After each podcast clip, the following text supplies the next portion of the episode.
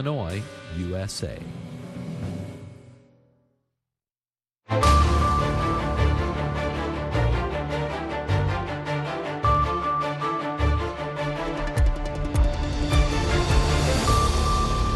halkani waa washington laanta afka soomaaliga idaacadda v o a oo aad ka dhagaysanaysaan mawjadaha gaagaaban efmiyada geeska afrika iyo caalamka oo dhan oo aad nagala socotaan v o a somaly com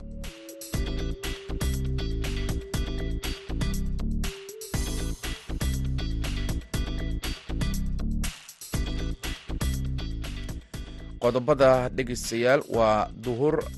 Aan idhaahda waa duhur wanaagsan dhegeystayaal waa maalin axada bisha juulaay waa sagaal sanadka labada kun iyo saddex iyo labaatanka. Afrikada bari saacadda waxay tilmaamaysaa kooda iyo barka duhurnimo washingtonna waa lixda iyo barka subaxnimo.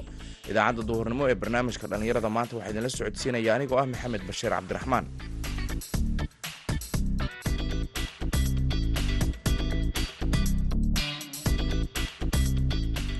qodobada dhegeystayaal aad ku maqli doontaan idaacaddeenana waxaa ka mid a falanqeyn ku saabsan isku shaandhayn oo golihiisa wasiirada ku sameeyey ra'iisul wasaaraha xukuumadda soomaaliya xamse cabdibarre. Waxaad kaloo maqli doontaan oo barnaamijka aan idinkugu soo gudbin doonaa waa barnaamijkii hibada iyo hal abuurka oo aan ku soo qaadanayno sida fursad loogu dhex abuuri karo loogana faa'iidaysan karo internetka.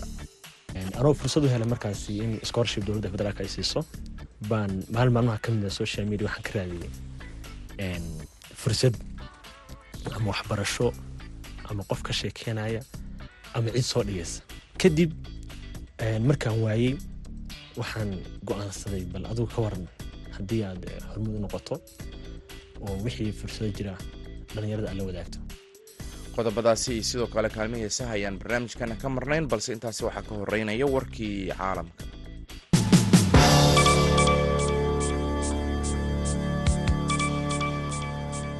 qaramada midoobay ayaa axadda maanta ah ka digtay in dalka ay dagaaladu halakeeyeen ee suudaan uu qarka u saaran yahay dagaal sukeeye kaasi oo qalqalgelin kara xasiloonida gobolka oo dhan kadib markii weerar cirka ah oo lagu qaaday goob ay dad rayid ah degan yihiin lagu dilay labaatameeyo qof oo rayida. Wasaaradda caafimaadka ee suudaan ayaa warisay in labaiyo labaatan qof ay ku dhinteen tiro badanna ay ku dhaawacmeen waxa ay wasaaraddu ugu yeertay duqeyn dhinaca cirka ah oo sabtidii lagu beegsaday magaalada umudurmaan ee mataanaha la ah caasimadda khartuum gaar ahaana degmada daarusalaam ee magaaladaasi dagaalka suudaan ay ku dirirayaan jenaraalada isku haya talada dalkaasi ayaa waxa uu socdaa ilaa saddex bilood. Ilaa saddex kun oo qof ayaa lagu dilay dagaalka iyadoo dadka ka badbaaday weerarkana ay soo warinayaan falalka dhanaha bini-aadanimada sida kufsi iyo dil bareer ah oo loo geysanayo qowmiyado gaar ah. Waxay sidoo kale dhacay bililiqo baahsan iyadoo qaramada midoobey ay ka digtay suurtagalnimada dembiyo dagaal oo ka dhacay gobolka darfur xogayaha maaliyadda maraykanka janet yellen ayaa axadda maanta ah sheegtay in wadahadaladii ay la yeelatay mas'uuliyiinta ugu sarreysa shiinaha ay gacan ka geysteen in horumar laga sameeyo isfaham xilli ay soo gebagabaysay booqasho ay ku dooneysay in lagu xaliyo xiriirka waa in lagu xasiliyo xiriirka xun ee ka dhexeeya labadan dal ee ugu dhaqaalaha badan caalamka intii ay ku jirtay booqashadeeda oo qaadatay afar maalmood ayay yelen waxa ay carabka ku adkaysay baahida loo qabo tartan dhaqaale oo caafimaad qaba iyo hagaajinta isgaarsiin iyo wada xiriirka labada dal iyadoo boorisay iskaashi laga sameeyo khataraha taagan ee ka dhalan kara isbeddelka cimilada. Yelen ayaa shir jaraa'id oo ay xadda maanta ah ku qabatay beijing ku sheegtay inay aaminsan tahay in dunidu ay ku filan tahay sida ay tiri labadan dal inay horumar sameeyaan waxaana ay sheegtay in labadan dal ay waajib ku tahay in si mas'uuliyad ay ku jirto ay u maareeyaan xiriirkooda si ay u helaan hab ay ku wada noolaadaan. Warkii dunidana dhegeystayaal waa naga inta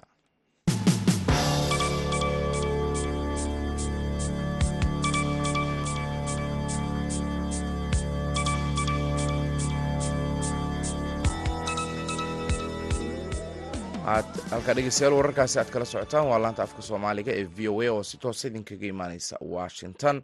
Duhur wanaagsan mar kale haatanna waxaad ku soo dhawaataan barnaamijka hibada iyo hal abuurka waxaana soo jeedinaya khadar maxamuud xareed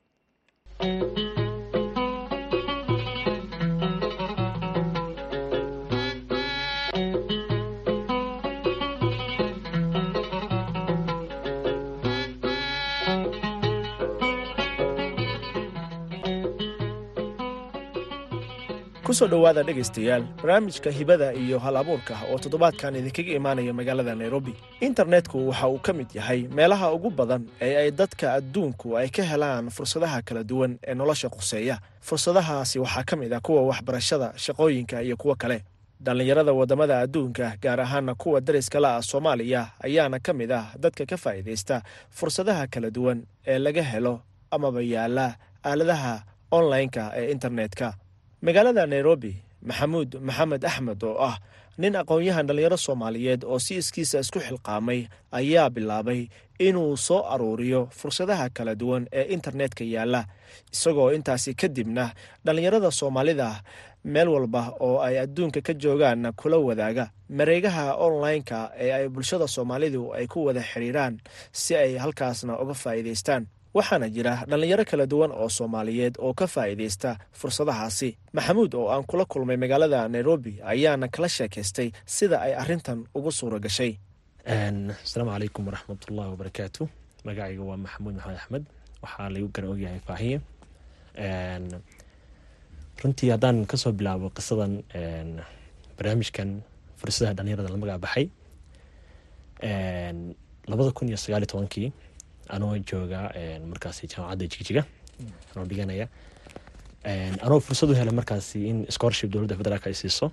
Baan maalin maalmaha ka mid a social media waxaan ka raadiyey fursad ama waxbarasho ama qof ka sheekeynaya ama cid soo dhigaysa. Kadib markaan waayey waxaan go'aansaday bal adugu ka waran haddii aad hormud u noqoto oo wixii fursado jira dhalinyarada aad la wadaagto.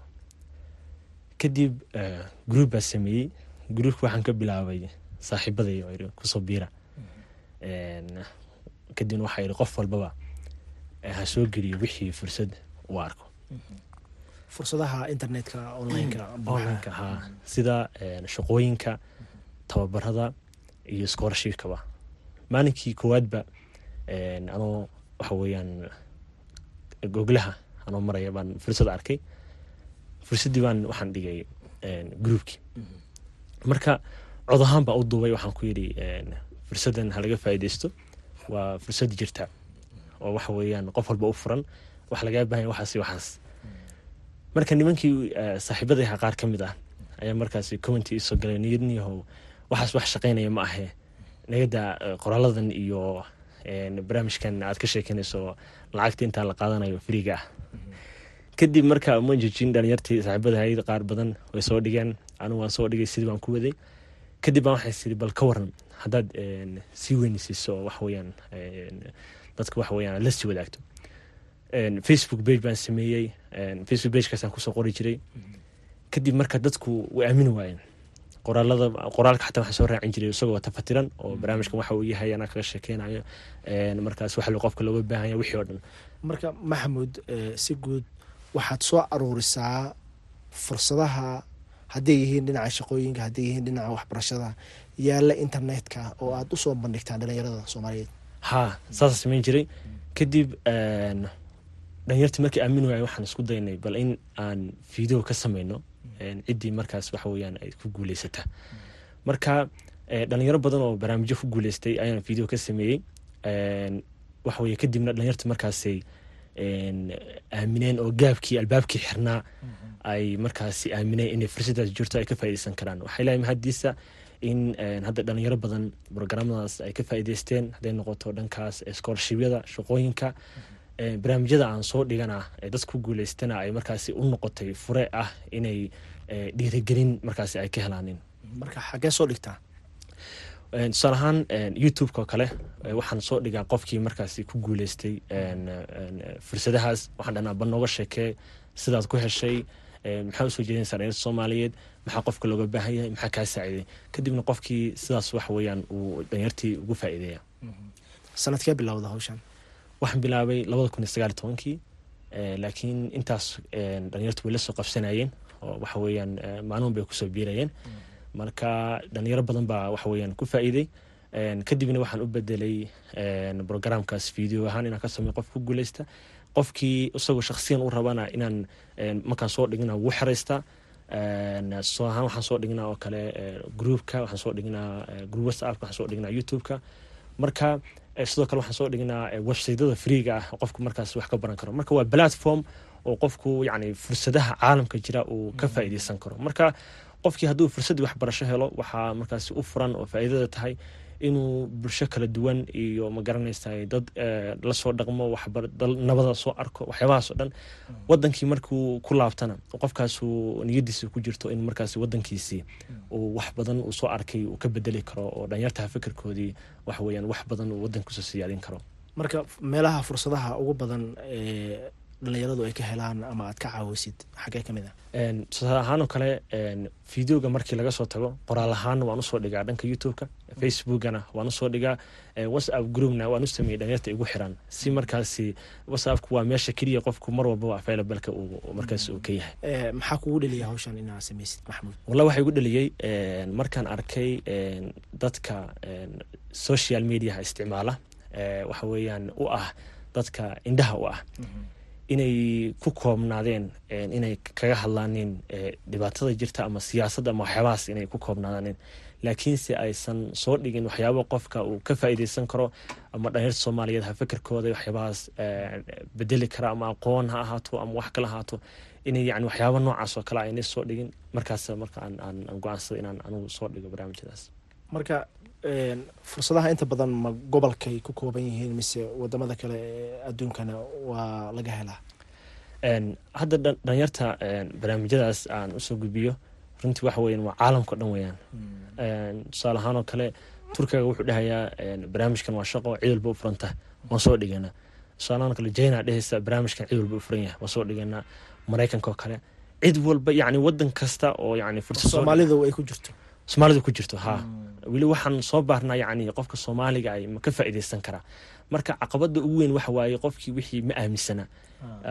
Taasaa marka waxay dhalinaysaa gaab weyn qofkii inuusan yani wixiiba ku baraarugsaneyn oo wadankeena markii loo eego yani fursadahaasoo kale qofku wuxuu isdhahayaa basaboor ajaanib baa lagaaga baahan yahay shahaadadaada lama aqoonsana.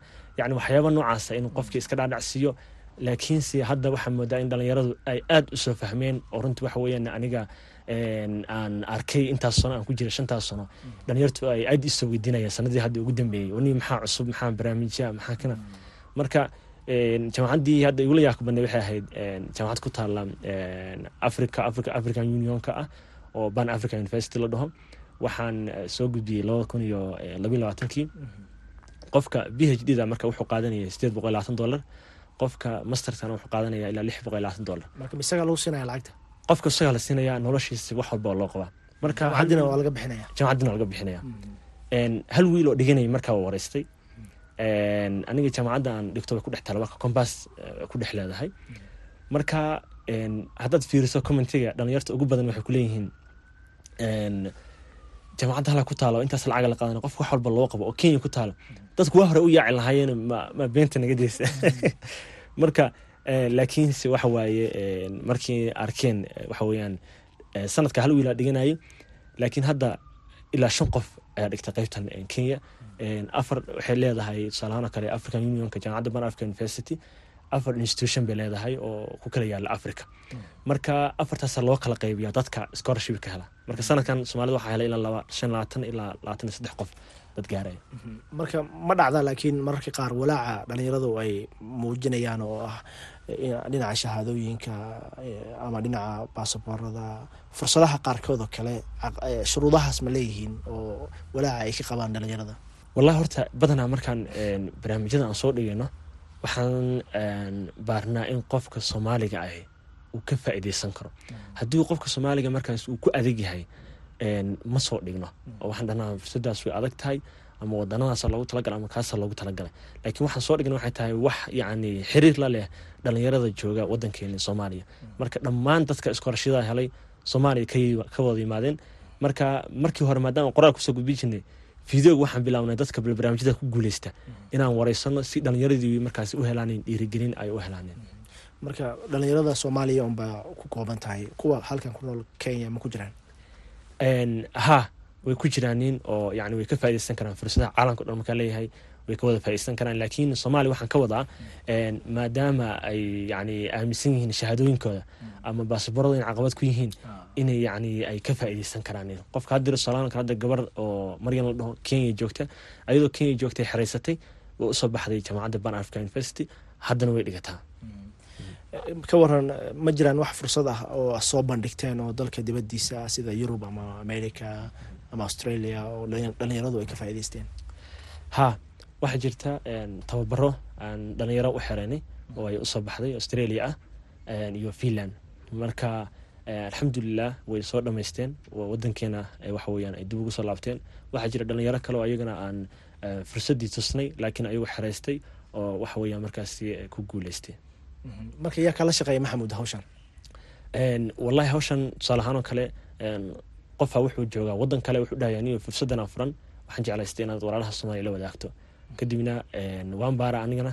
Haddana waan is wadaaga markaas dhalinyartii. Marka waxa weeyaan dhalinyarada group ku jirta laftigoodu wixii arkaaniin way isoo diraan. Barnaamijkaas bal muxuu yahay bal xog fiican noo satafatir kadib baan haddana aan sameeyaa. Markaad fiirisid dowladaha kale ee dariska nala ah dhalinyaradooda fursadahan oo kale ma leeyihiin oo ma ka faa'iideystaan ha waxaan ba aaminsanahay yani dhalinyaradeenna in aysan runtii waxa weyan barnaamijyadaas aysan ogeyn laakiin haddii ay heli lahayeen meel ay kala socdaanin inay ka faa'iideysan lahaayeen. Marka haddeer kenyaanka oo kale aad ba uga faa'iideystaaneen scholarshipka sida haddeer canada yurub ila america o dhan. Waxa weeyaan aad bay uga faa'iideystaan fursadahan. Waxaan ka saaciidaya waxay tahay haddaad wareysato badan hadda kenya markaan joogo wuxuu ku leeyahay maalinka o dhan waxaa laga yaaba waqtigeyga inaan ku lumiyo inaan baaro wax aan ka faa'iideysan karo marka inagana waxaa moodaa in social mediahna aan u isticmaalno yacni waxa keenayana waxay tahay dadka inaga social mediaha inoo isticmaala ayaa keenaya. Marka dadkaas hadday dhalinyarta ku baraarujiyaan inuu dhihi karaan war fursadaasaa jirta dadka igu xiranaya ka faa'iideystaan qofku markaas wuxuu fursad u heli lahaa inuu maalinka o dhan baaro oo fursadaha uu ka faa'iideysto salaanka hadda markaan fursad soo dhigno ama qof ku guuleysto oo kale aad buu la dhacaan dhalinyaradu. Wayna igu sii dhiirigeliyaan waniga fursadaas ma jirtaa waxa weeyaan qofku wuxuu sii qaadaya markaa moraal ah inuu bal fursadaas uu isku dayo. Barnaamijyada noocan oo kaleeta ah maxay faa'iide ah oo ay u leeyihiin dhalinyarada iyo guud ahaan bulshada soomaalida oo kale? Wallahi waxay u leeyihiin tusaalahaan kale qofaa laga yaabaa inuusan awoodin inuu jaamacad dhigto. Wuxuu helayaa markaasi janis ah inuu fursadaas waxa weeyaan uu ka faa'iideystay waxaa laga yaabaa qof u baahnaa in jaamacadda mar hore u dhameeyey laakiin meel uu kooras uu ka qaato ama website oo waxa weeyaan online ah uu ka faa'iideysto waxay kaloo u leedahay waxa weeyaan hadduu barnaamijkan ku guuleysto in uu yacni caalam kale soo arko dalal kale si u dhisan yihiin dhaqankooda waxa weeyaan waxyaabo badan uu ka soo barto. Fikradahaas uu yacni uu ka soo barto oo wanaagsanna bulshadiisii markaasi dib ugu celiyo uga faa'iday dhalinyaro badan baa jira oo iskoorashiyo badan ku guuleystay oo waxa weeyaan haddana waddankii yimaaday oo dhalinyaradii wax badan ku soo kordhiyey kuwo waxaa jira xataa laftigoodu intay xafiisya u furteen waxa weeyaan dhalinyaradii markaasi ka saacideen oo dhahaya annagaan ku xereyn xafiis dhan u furtay oo lacag ku qaatay.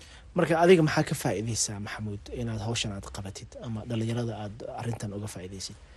Wallahi aniga runtii waxa weeyaan wax yacni lacagana kuma xiro. Qofkii waxa weeye waan la wadaagnaa un fursadii. Marka tusaale ahaan oo kale platformka maadaama u sameynay in qofku fursadda kala socdo waxaa fiican inaad qofka walaalkaya inaad si toosa fursadii aad ula wadaagto xogta u dhamaystirdo marka waxaa jira tusaalaanka dhalinyaro ku dhahaya wanihow barnaamijkan waan aragnay laakiin ma fahansin mana xereysan karno noo xere qofkaas kale markaa laga yaabay inaad u xereysid laakiin badanaa dhalinyaradu waxa way xereystaaniin oo waan hagnaa. Waxaa jira internetka marka laga hadlayo kale inkastoo fursado badan ay yaalaan haddana waxaa jira caqabado badan burcad dhinaca internetka jirta oo laga yaabo inay iska dhigdhigaan inay fursadaas iyagu hayaan oo kale. Marka caqabadahaas marxaladahaas internetka yaallo oo kale sidee uga baaqsataan sidee uga feejigantihiin? Wallahi dad waxaa jira annaga waxyaabahan soo dhigno intay qaataaniin. Haddana yani dadkii dhahaa fursadana jirto kaala ku xereeyo waxaweye ayagii waxaweyan dadkii sii lacag kaga qaata ayagoo weliba shuruudihiisi saxa markaas wax weyaan aan ugu buuxinayn intaasi waxaa ku eg barnaamijkii hibada iyo halabuurka v o a oo toddobaadkan idinkaga imaanaya magaalada nairobi. Tan iyo kulan dambe sidaas iyo nabadgelyo.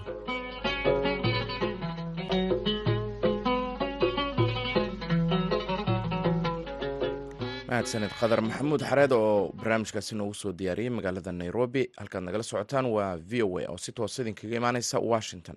Markana muqdisho ra'iisul wasaaraha dowladda federaalk ee soomaaliya xamse cabdi barre ayaa isku shaandhayn kooban ku sameeyey qaar ka mid a golihiisa wasiirada isagoo xilkii ka qaaday wasiirkii maaliyadda halka uu magacaabay xubno cusub. Haddaba falanqeyn arrintan ku saabsan waxaa muqdisho ka soo diray xasan kaafi cabdiraxmaan qoyste. Ra'iisul wasaaraha xukuumadda federaalka soomaaliya xamse cabdi barre ayaa isku shaandhayn ku sameeyey qaar ka mida golihiisa wasiirada isagoo xilka ka qaaday wasiirkii maaliyadda doctor cilmi maxamuud nuur waxaana uu u magacaabay biixi iimaan cige oo horey u ahaa wasiirkii wasaaradda shaqada iyo arrimaha bulshada. Sidoo kale wasiirka wasaaradda shaqada ayaa loo magacaabay maxamed cilmi ibraahim waxaana abuukar jaylaani sheekh loo magacaabay inuu noqdo wasiiru dowlaha diinta iyo owqaafta halka saadaad maxamed nuur loo magacaabay wasiiru dowlaha wasaaradda arrimaha gudaha. Haddaba isku shaandhayntan kooban sidee loo arkaa maxayse soo kordhin kartaa? Doctor cali siciid maxamuud kulane waa aqoon-yahan ka faallooda siyaasadda afrika muddaba waa la sugayey ra'iisul wasaare xamse cabdi barrena uu ku taamayay muddo dheer qaabku iskugu shaandhay lahaay xukuumaddiisa inuu dad badan oo tashi ka gelinayay oo qaabkaas ay dib ugu dhacdayba macquula laakiin xilliga ay ku soo beegaantay hadda oo ah xilli dowladdu ay aada ugu mashquulsaneyd maalmahan la dagaalanka musuq maasuqa oo dad badanna ay u xirxirnaayeen dadna ay baxsi ahaayeen. Waxaa laga yaabaa isla nidaamkii la dagaalanka corruptionka inay qayb ka tahay nidaamkan isku shaandhayntu oo lagu soo beegay ama la doonayo in mar kale loogu sii gogol xaaro wasiiro badan oo aan lagu qanacsanayn.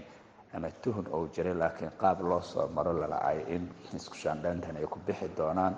Kuwo cusub oo inay soo galaan dowladnimada iyo nidaamka cusubna loo sii gogol xaarayo. Sidoo kale wasiirkii hore batroolka maxamed mukhtaar ibraahim ayaa ka warbixiyey waxyaabaha inta badan keena in xukuumaddu ay isku shaandhayn ku samayso golaheeda wasiirada. Isku shaandhaynta kooban ee golaha wasiirada lix marxaladood ayaa inta badan mid ka mid ah ay keentaa. Waa midda ugu horeysa waxay tahay in marka la rabo waxqabadka golaha wasiirada ee la dardargeliyo oo kor loo qaado way dhacdaa isku shaandhayn in la sameeyo midda labaad waxay tahay markay kala duwanaansho aragti siyaasadda ay timaado oo udhexaysa ra'isul wasaaraha iyo wasiirkaas ayadana isku shaandhayn waa la sameeyaa mid saddexaad waxay tahay marka la rabo dheelitir siyaasadeed la sameeyo golaha wasiirada dhexdooda. Midda afraad waxay tahay marka la rabo dhiig cusub in la geliyo oo dad cusub golaha wasiirada lagu soo darane ayadana way dhacdaa isku shaandhayn in la sameeyo. Midda kale oo shanaadna waxay tahay marka hadda sida dhacdoo kale oo golaha wasiirada lagu soo daro wasiir dowlayaal waxaa suuragal ah inay shaqada ku cuslaato wasiiradii oo la raba in gacan la siiyo ayadana way dhacdaa. Iyo midda lixaad oo ugu dambeysa oo ah marka dowladda ay rabto inay ka jawaabto cabasho guud oo dadweynaha ay qabaan oo ay u muujiso inay wax ka qabanayso cabashadood ayadana isku shaandhayn waa la sameeyaa haddii aan u soo laabtay marka midaan wasaaradda maaliyadda hadda ka dhacday runtii maanay fiicnayn wakti fiican ma ahayn in wasiirka la bedelo. Balse sida muuqato waxay noqotay mid laga maarmuwaan ah. Waxaan wada ognahay in uu wasiirka dhowaan uu sameeyey uu soo saaray laba waraaqoo kala duwan midna uu ku joojinayo shaqada midna uu kaga laabanayo. Taa marka waxay muujinaysaa inuu jiro khilaaf khilaaf dee weyn oo banaanka u soo baxo wax laga qaban waayo inuu yahay. Marka taa ayaan filayaa inay sababtay in loo baahdo in wasiir la aragti ah ra'isul wasaaraha inuu meeshaas yimaado. Doctor axmed daahir shaafi oo bartay siyaasadda iyo xiriirka caalamiga ayaa soo hadal qaaday arrimaha ay salka ku hayso xilka qaadistii lagu sameeyey wasiirka maaliyadda. Arrintan marka salka waxa uu ah khilaafkii wasiirka iyo shaqaalihiisii soo kala dhexgalay oo culays aada moodo in wasiirka fuulay xagga madaxda sare. Warqadii markuu ka noqdayna xilkii laga qaaday siyaasiyiinta ka hadlay isku shaandhaynta uu sameeyey ra'iisul wasaaraha soomaaliya xamse cabdi barre iyo xilliga ay ku soo beegantay ayaa waxaa ka mid ah wasiirkii hore waxbarashada cabdiraxmaan daahir cismaan.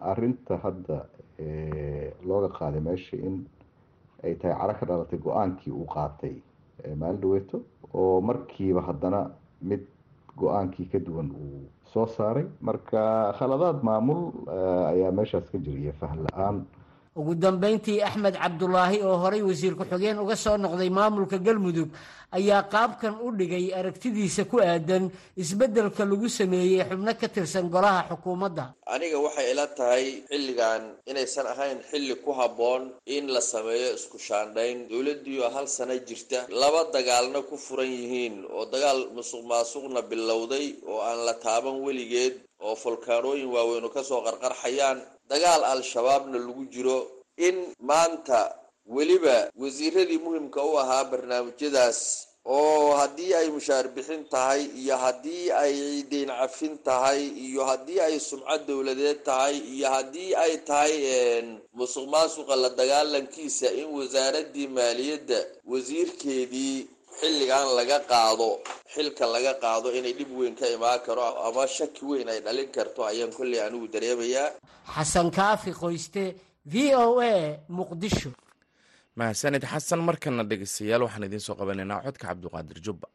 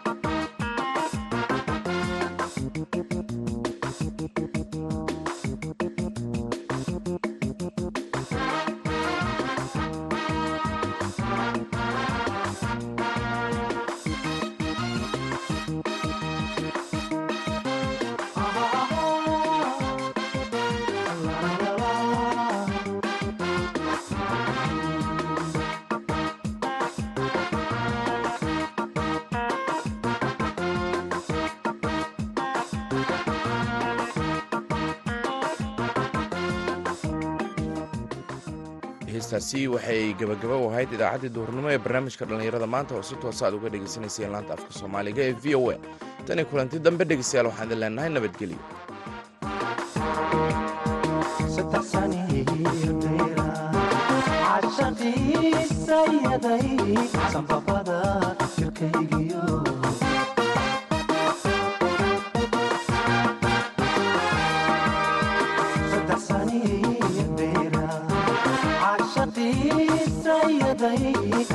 sanbabada jirkaygiyo